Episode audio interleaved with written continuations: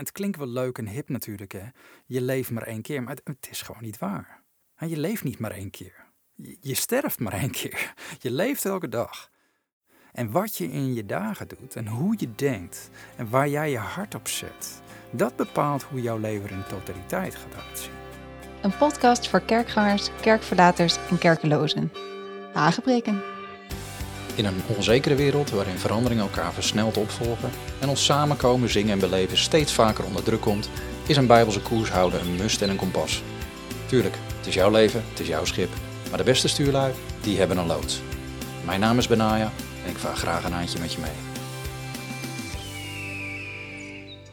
Hoi, fijn dat je weer luistert naar Hagepreken. We hebben wat drukke dagen gehad uh, rond Sinterklaas en uh, sowieso december is een drukke maand. Dus excuus voor de vertraging aan deze kant. En daarbij vielen de hulptroepen hier thuis ook nog wel een beetje uit. Dus ik was volop aan de bak voor het gezin. Met als gevolg natuurlijk dat de regelmaat van drie Hagepreken per maand finaal aan Flarden werd geschoten. Nou ja, als je een trouwe luisteraar bent van deze podcast, heb je dat ongetwijfeld gemerkt. Uh, het is een beetje een reflectie van real life. Ook bij uw gastheer klopt uh, het leven soms onvoorspelbaar ongelegen aan. Ja, dan moet je schakelen. Ja, heb je een podcast, dan merken meteen een paar honderd mensen dat je geen nieuwe uploads uh, neerzet. En dat is natuurlijk wel jammer. Wat kan ik zeggen? Ik hoop dat je ja, je honger naar dit soort verdieping blijft voor deze podcast. En uh, ik kan je aanraden om je in ieder geval te abonneren op Hagenpreken binnen je favoriete podcast app. Want dan weet je elke keer gewoon meteen wanneer er iets online staat. En ik hoop er verandering in te brengen, maar uh, nou ja, goed, ik zal hier geen uh, digitale colportage gaan doen, want dat heeft niet je interesse, maar het heeft ook wel een beetje te maken met de sponsoring die je wel of niet krijgt. Hoeveel je je handen vrij kan maken ook voor dit soort dingen. Maar om even terug te pakken op de vorige uitzending, dat is natuurlijk al een tijdje geleden voor de vaste luisteraars. Ik hoop dat je een beetje bent bekomen van die vorige uitzending. Je had gelukkig een paar weken dit keer. Mocht je net aanhaken, vorige keer, aflevering 89, keken we naar Jezus' gelijkenis over de arme bedelaar, uh, Lazarus, en de rijke man. Nou, die laatste die bleek niet een of andere agnost of heiden te zijn, kwamen we achter, maar iemand die gewoon bekend was met het woord van God, zoals christenen anno nu dat ook zijn.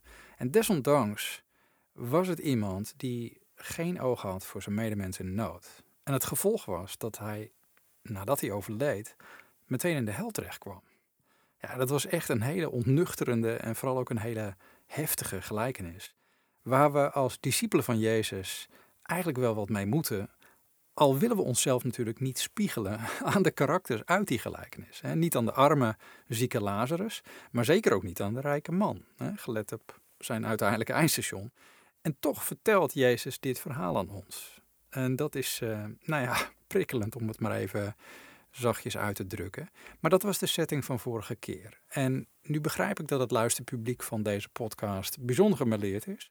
Dus ik hou er rekening mee dat er ook zeker luisteraars zijn die alle helse dreiging met de paplepel is ingegoten hè, vanuit de kerk.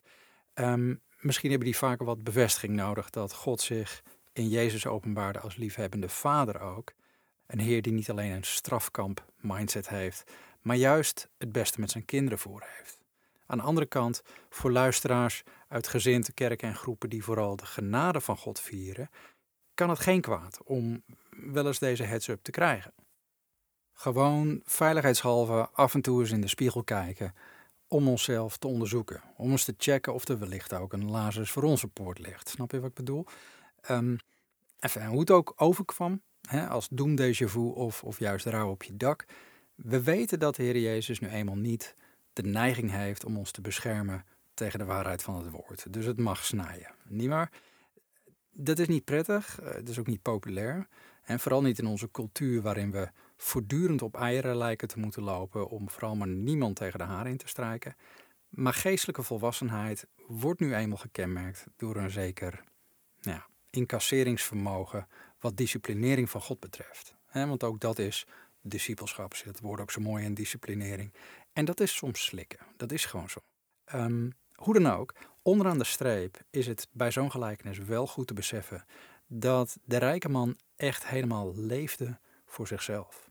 En dit deed hij door zijn prachtige leven te vieren, zonder om te kijken naar het leven van een ander.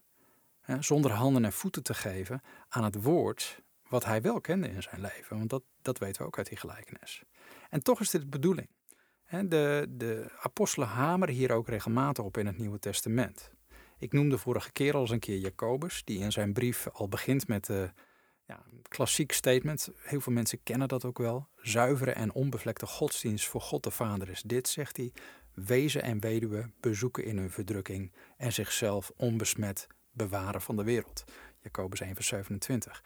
Ongetwijfeld heb je me dat wel eens horen noemen. Maar daarmee laat hij twee kanten van de medaille zien.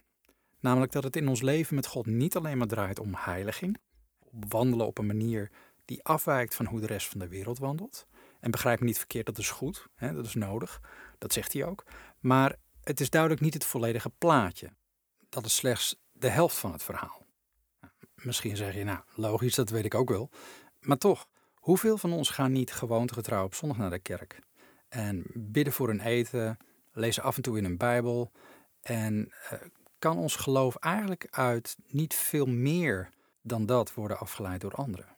En natuurlijk proberen we wel zo goed mogelijk te leven en drukken af en toe nog wat zondige patroontjes de kop in of, of proberen wat karakterkreukeltjes glad te strijken, maar dan heb je het zo ongeveer wel gehad. En hoeveel van ons vergeten om bewust die praktische vertaalslag te maken waar Jacobus op doelt?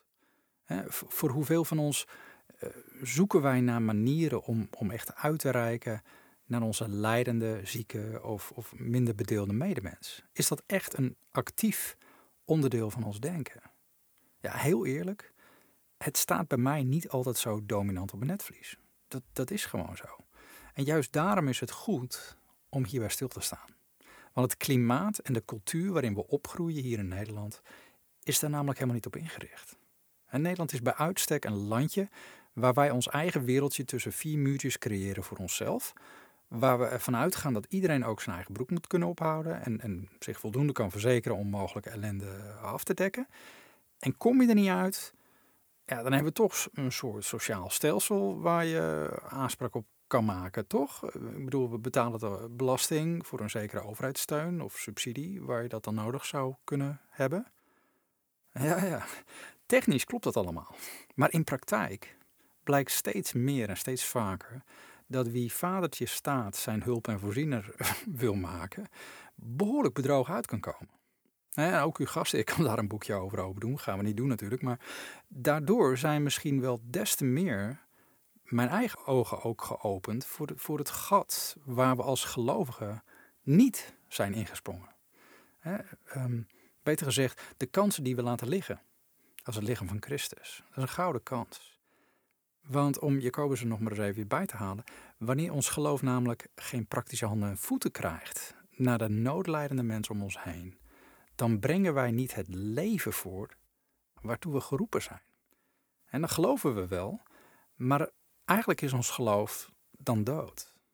Want Jacobus zegt, en in vers 14 staat er, wat voor nut heeft het, van hoofdstuk 2, mijn broeders, als iemand zegt dat hij geloof heeft en hij heeft geen werken. Kan dat geloof hem zalig maken? Als er nu een broeder of zuster zonder kleding zou zijn en gebrek zou hebben aan dagelijks voedsel, en iemand van u zou tegen hem zeggen: Ga heen in vrede, word warm, word verzadigd, en u zou hun niet geven wat het lichaam nodig heeft, wat voor nut heeft het dan? Zo is ook het geloof, als het geen werken heeft, in zichzelf dood. Oftewel, Jacobus zegt hier botweg, praatjes vullen geen gaatjes. Je, je kan wel geloven in God, maar daarmee ben je er nog niet. Je geloof hoort te leven. Beter gezegd, er hoort leven te vloeien naar anderen. En in dat kader haalde ik al eens eerder aan dat de Heer Jezus bij het laatste oordeel de schapen van de bokken gaat scheiden. En dat de afwijzing van de bokken duidelijk niet alleen op basis van geloof is. De mensen die te zijner tijd als bokken worden bestempeld, zou ik maar even zeggen, um, die noemen hem heren. Maar dat zijn wel degenen die geen oog hebben gehad voor anderen in nood. Want ze zullen dan zeggen, dat lees je Matthäus 25, vers 44, Heren, wanneer hebben wij u hongerig gezien? Of dorstig? Of als een vreemdeling? Of naakt? Of ziek? Of in de gevangenis? En hebben u niet gediend? Nou, misschien ken je het verhaal wel, lees maar eens na Matthäus 25. Maar je kan kennelijk geloven, blijkt daaruit. Misschien zelfs wel getuigen van je geloof of mensen uitnodigen naar de kerk. Maar als je niet geïnteresseerd bent om de last en de moeite van je medemens te verlichten, dan heeft dit geen nut. Dan is je geloof dood. En dat is een belangrijke. Want wij zijn, nogmaals, bedoeld om leven voor te brengen aan anderen. Net als de Heer die we dienen. Dat was de reden van Jezus kruisdood. Dat wij tot leven gewekt zouden worden en dat stromen van levend water uit ons binnenste zou vloeien om ook weer de dorst van anderen te kunnen lessen. He, bekende tekst uit Johannes 7. Ehm, en dat is dus geen optie. Dat is deel van de reden dat jij zo enorm duur bent aangekocht, zou ik willen zeggen, en betaald door Jezus. Daardoor ben je nu niet langer van jezelf. Veel christenen leven wel zodanig, alsof ze zelf hun leven kunnen uitstippelen en, en, dan de zegen van God er nog even over kunnen vragen. Maar dat is zo niet bedoeld. Dat is weer een andere preek, maar je hebt je leven gegeven aan de Heer Jezus. En dan ben je het ook echt kwijt. Weinig van ons beseffen dat echt te degen. Het is niet meer van jou. Hij heeft jou daarmee letterlijk ingelijfd. Je bent deel van Hem geworden, deel van Zijn lijf, van Zijn lichaam. En wel om de simpele reden dat je bedoeld bent om samen met al je andere broers en zussen in Christus Zijn handen en voeten in deze wereld te zijn.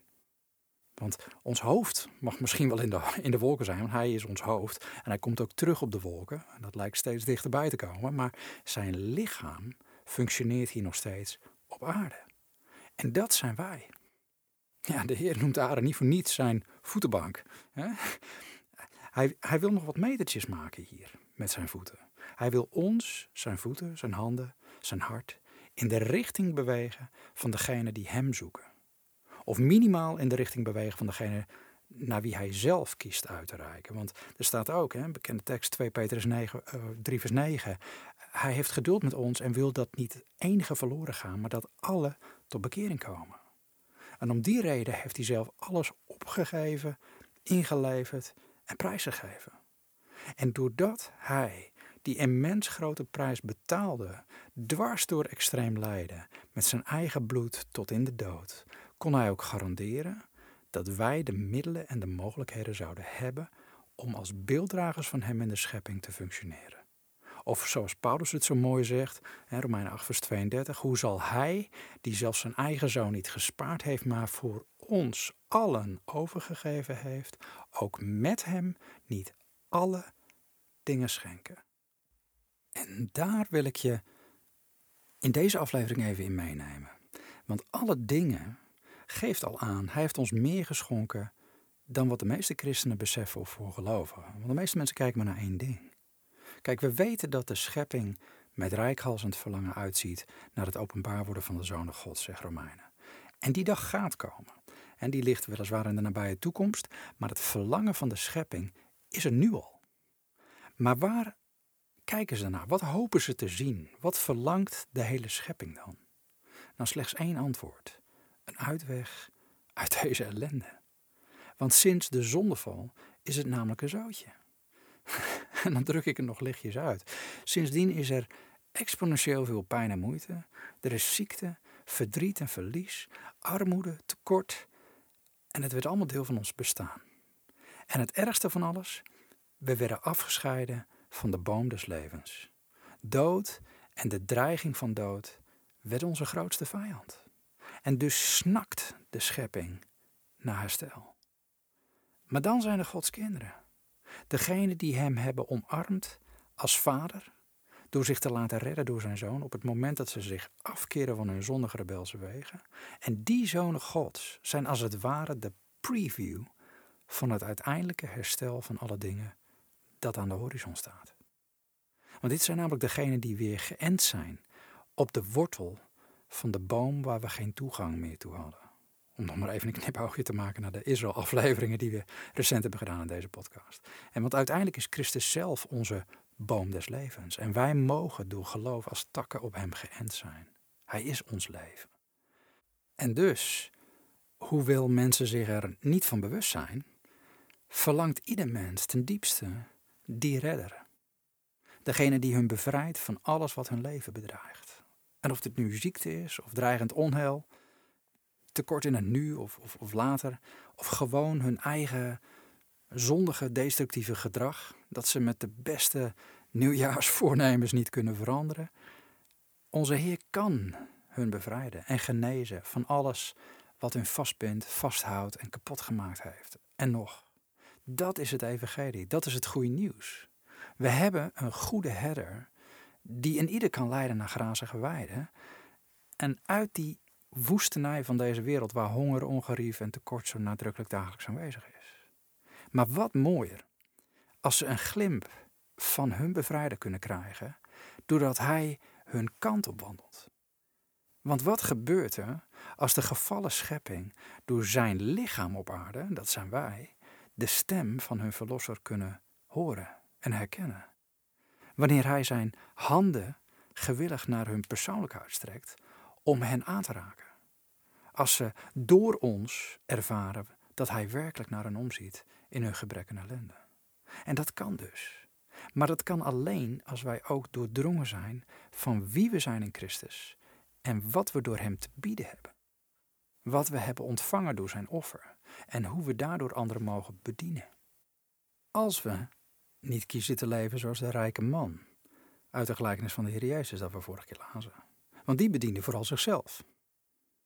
In die zin zou die misschien goed passen in onze moderne tijd. Wanneer ja, mensen door menig coach of, of gezondheidsgoeroe wordt aangeraden om, om, om, te kiezen voor jezelf. Om te kijken wat jouw energie geeft. Waar jij van oplaat en hoe jij tot je volle potentieel kan komen. Kun je het voorstellen dat iemand dat tegen de Heer Jezus had gezegd? Hè? Wat geeft jouw energie? Kies voor jezelf. Of tegen Paulus of tegen Petrus. Als je, als je dat soort aansporingen of vragen in het licht van het Nieuwe Testament zet. Om zoveel mogelijk te genieten van het leven en het allemaal niet zo zwaar te maken. Zo van, je leeft maar één keer. Ja, dat, dat, dat staat haaks op elkaar. En het klinkt wel leuk en hip natuurlijk, hè. Je leeft maar één keer, maar het, is gewoon niet waar. je leeft niet maar één keer. Je, je sterft maar één keer. Je leeft elke dag. Jouw leven is namelijk een aaneenschakeling van dagen. En wat je in je dagen doet en hoe je denkt en waar jij je hart op zet, dat bepaalt hoe jouw leven in totaliteit gaat uitzien. En dat is niet één moment. Wanneer je elke dag, net als de rijke man, jezelf in het centrum zet, zal je net als hij voorbij gaan aan de Lazarussen die nog om jouw kruimeltjes bedelen en hopen op een oplossing uit hun ellende. En dan zul je ook geen noodlijdende mensen zien, want dan heb je genoeg aan jezelf. Dat hoor je ook veel tegenwoordig. Hè? Ik heb gewoon genoeg aan mezelf. En ook dat lijkt allemaal heel logisch en heel legitiem. En als je verhalen hoort van mensen ook, dan, dan, ja, dan word je heel empathisch en dan denk je, ja, ja, dat is ook zo. Je heb je veel te, te verstouwen. Maar weet je, je wordt er niet gelukkiger van hoor. Om alleen maar te denken aan jezelf. Ik moet altijd weer denken aan Jorik. Dat is een, eh, een, een, een goede vriend van mij. Waar ik helaas afscheid van heb moeten nemen, een aantal jaren terug. Want hij had MS. En we hebben hem als vrienden zien aftakelen. Het is enorm pijnlijk om te zien. Van een gozer die langs het strand rende, naar een volwassen kerel die gevoed moest worden met een slappertje om in zijn lichtstoel. En toch, Jorik had een hele positieve levensinstelling. En later had hij natuurlijk ook wel zwaar, maar hij was ondanks zijn handicaps en, en extreme beperkingen en, en slopende ziekte voortdurend bezig om te kijken hoe hij de mensen om zich heen complimentjes kon geven, op kon vrolijken, altijd in voor een gaantje. En vooral ook was hij voortdurend biddende om te kijken of hij misschien een woord van God door kon geven. En als het dan raak was, om het zo maar even te zeggen, dan maakte dat zijn hele dag. Hij geloofde dat die mensen altijd een beetje beter moesten achterlaten dan hoe ze binnenkwamen bij hem.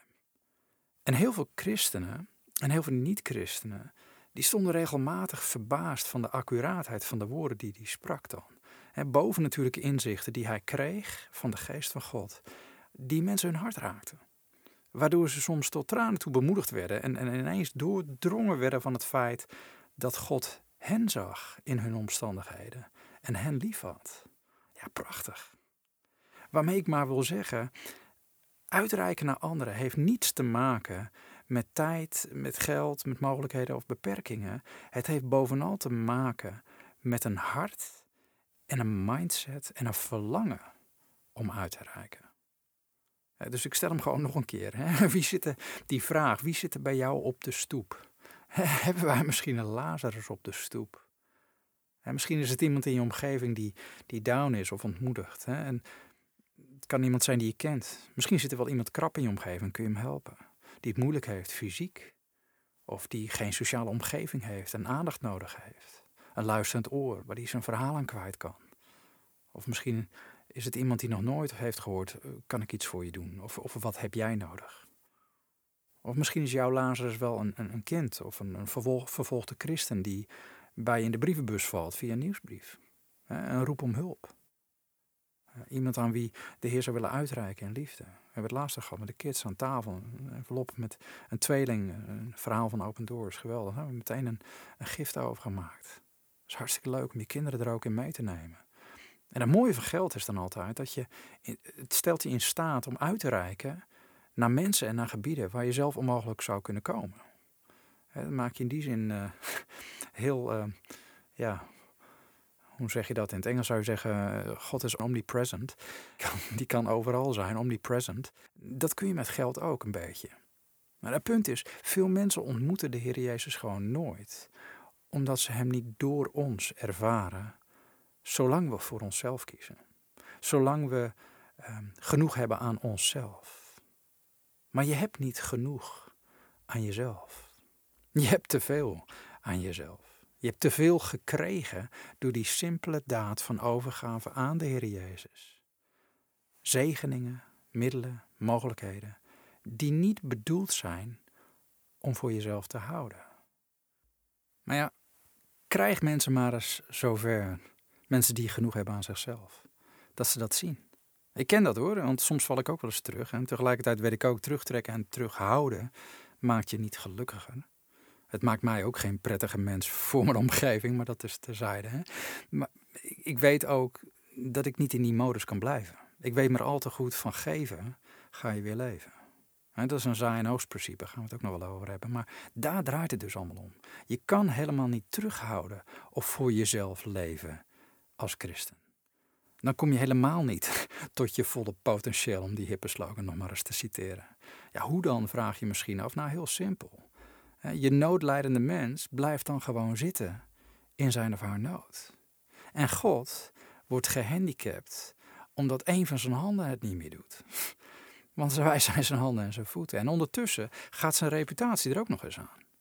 En dat laatste hebben de meesten van ons al helemaal niet door. Namelijk dat de wereld ons gebrek aan overvloedig contact maken, uitreiken en uitstappen in geloof uiteindelijk op rekening van God wordt gezet. Wat voorkomen logisch is natuurlijk. Niet? Oké, een voorbeeldje. Als ik in Mongolië een klein meisje van vier jaar oud, hoestend en rillend en tot aan haar knietjes in de sneeuw zie staan, op haar blote voetjes, bij min 30 graden. Ja, dan is mijn reactie niet, wat een dom kind zeg. Ja, het zou absurd zijn, breed ook trouwens. Het eerste wat ieder weldenkend mens uitroept is, van wie is dit kind? Welke onverlaat laat zijn kleine meid zo achter in de kou? En zo is het ook met de wereld. Vandaar dat de meest gehoorde klacht over het lijden op aarde is: als God bestaat, waarom dan? Ja, en je zal ze de kost moeten geven die dan de vraag beantwoorden met: ja, ja, dat weet ik ook niet. Of erg nog, mensen die, die beweren dat God het in zijn onnaspeurlijke wijsheid het zo heeft beschikt of toegestaan. He, maar daar ongetwijfeld een of andere mysterieuze bedoeling mee heeft die we ooit zullen begrijpen. Ja, zeg, dat komt dus niet aan, mensen. En Paulus die zei, hoe zullen ze hem dan aanroepen in wie zij niet geloven? En hoe zullen ze in hem geloven van wie ze niet gehoord hebben? En hoe zullen zij horen zonder dat iemand predikt? Wat predikt? Het evangelie. Het goede nieuws. En wat is het goede nieuws? Nou, wat is het anders dan wat Jezus voor ons heeft bewerkt aan het kruis? Vanaf die plek waar hij niet gespaard werd, maar overgegeven werd voor ons allemaal, vloeiden alle dingen die de Vader ons wou schenken. En Er gebeurt iets in je denken op het moment dat dit echt tot je doordringt. Als je beseft dat zoveel je deel is geworden van wat Hij ons heeft geschonken. Alleen dan kun je gaan leven op een manier dat je weet dat je ervan uit mag gaan dat dit ook allemaal werkelijk tot je beschikking staat. Niet alleen voor jezelf, maar juist om uit te delen, om door te geven aan anderen. Zoals Paulus zegt, zijn goddelijke kracht heeft ons alles geschonken wat tot het leven en tot godsvrucht behoort. En daar hebben we weer die twee dingen. Door de kennis van Hem die ons geroepen heeft door Zijn heerlijkheid en deugd. En daardoor heeft Hij ons de grootste en kostbare belofte geschonken, opdat u daardoor deel zal krijgen aan de goddelijke natuur, nadat u het verderf, dat door de begeerte in de wereld is, ontvlucht bent. Lange tekst, 2 Petrus 1 vers 3 en 4. Maar Petrus zegt drie dingen hier. Ten eerste, nadat jij je bekeerd hebt, ben je bepaalde begeerten die de wereld kenmerkt ontvlucht. Bewust. Ten tweede, heb je de grootste en kostbare belofte geschonken gekregen, die je deel zijn doordat je Hem echt hebt leren kennen. En daardoor krijg je deel aan Zijn goddelijke natuur. Nou, waar heeft Hij het over? Wat zijn de grote kostbare beloften? Wat is die goddelijke natuur? Nou, Petrus zou zeggen: leer mij Jezus kennen. Pak je hem al? Kijk naar Jezus. Kijk naar hoe hij sprak, handelde, wandelde toen hij nog onder ons was op aarde. En je weet het. Het was één groot uitreiken aan mensen. Met het woord van God, met bemoediging, soms ook een stuk vermaning, maar ook met zegen, met genezing, met bevrijding, met voorziening. Ik bedoel, lees het evangelie er maar op na. Neem nog eens kennis van hoe die goddelijke natuur eruit ziet. En hang dan dat oude polsbandje nog eens om je pols met What would Jesus do? Om de juiste focus te houden. En zonder nu om in herhaling te vatten, details rondom die kennis heb ik geprobeerd enigszins door te geven in deze podcast. En met name in aflevering, wat was het, 67, heb ik uit de doeken gedaan welke beloften onder andere ons deel zijn. En misschien wel een van de belangrijkste afleveringen in het kader van rentmeesterschap, aflevering 67 omdat ik daar de vinger op de zere plek leg. Hè, op het gapende gat in de theologie van zowel voorspoedsprekers als soberheidsvoorvechters. Omdat de zegeningen van Abraham niet gaan over hoe rijk je kan worden voor jezelf, maar om hoe mensen gezegend kunnen worden door jouw gezegend zijn. Want met dat Peter spreekt over de goddelijke natuur, roept hij ons op om ons toe te leggen om aan ons geloof wat toe te voegen. Dan heeft hij het over deugd en kennis en zelfbeheersing en volharding en godsvrucht. Maar uiteindelijk liefde voor iedereen. En die liefde, die drukt zich uit in waar we het daarnet over hadden. Niet alleen in die boodschap van redding, maar ook een stuk lafenis voor het natuurlijke lichaam van de Lazarus aan onze poort. Hij zegt, leg je toe op de liefde voor iedereen. Want dan ben je als gelovige niet doelloos en wordt je de toegang tot het eeuwige koninkrijk van onze Heer verleend, zegt hij. Nou, eigenlijk hetzelfde als de rijke man moest missen. Want hij kreeg geen toegang tot het koninkrijk van God. 2 hm, Petrus 1 vers 1, lees het. Ik zet alle teksten wel in de footnotes. Maar wel even de heads-up. Lazarus had, had meer dan een bemoedigend woord nodig. Blijkbaar wist hij ook wel van Abraham. Maar hij had toch echt concreet voedsel nodig en genezing nodig, overduidelijk. En wat de Heer Jezus voor ons bewerkt heeft aan het kruis, is cruciaal om zo te kunnen functioneren als zijn lichaam. En dat is dus meer dan alleen de vergeving van zonde alleen. Dat is heel belangrijk, dat is de eerste stap, maar er is meer. En helaas, je zal ze de kost moeten geven hoeveel gelovigen enkel dat ene deel van het kruis hebben geleerd en ook communiceren. Die nooit bewust hebben gelezen of zijn onderwezen over wat Christus nog meer door zijn offer voor ons heeft bewerkt. En daar wil ik het volgende aflevering eens een keer met je over hebben. Even goed naar kijken. Want we hebben wat uit te delen. En het is meer dan die reddende genade van God alleen. Dat is de start van zoveel meer. Maar dat is voor later. Genoeg om op te kouwen voor nu weer, dacht ik zo. Blijven luisteren naar het woord van God. Blijven koers houden. En heb je vragen, aanvullingen of opmerkingen? Schrijf me gewoon even een mailtje. podcast.saintkenine.com En zeg je nu, ik vind dit waardevol. Ik wil eigenlijk wel meebouwen aan de frequentie en regelmaat van Hagenpreken. Overweeg eens om een sponsor te worden. In de notes van deze podcast en op de website saintkenine.nl zie je hoe je dit kan doen. Voor iedereen die het al doet, hartstikke bedankt.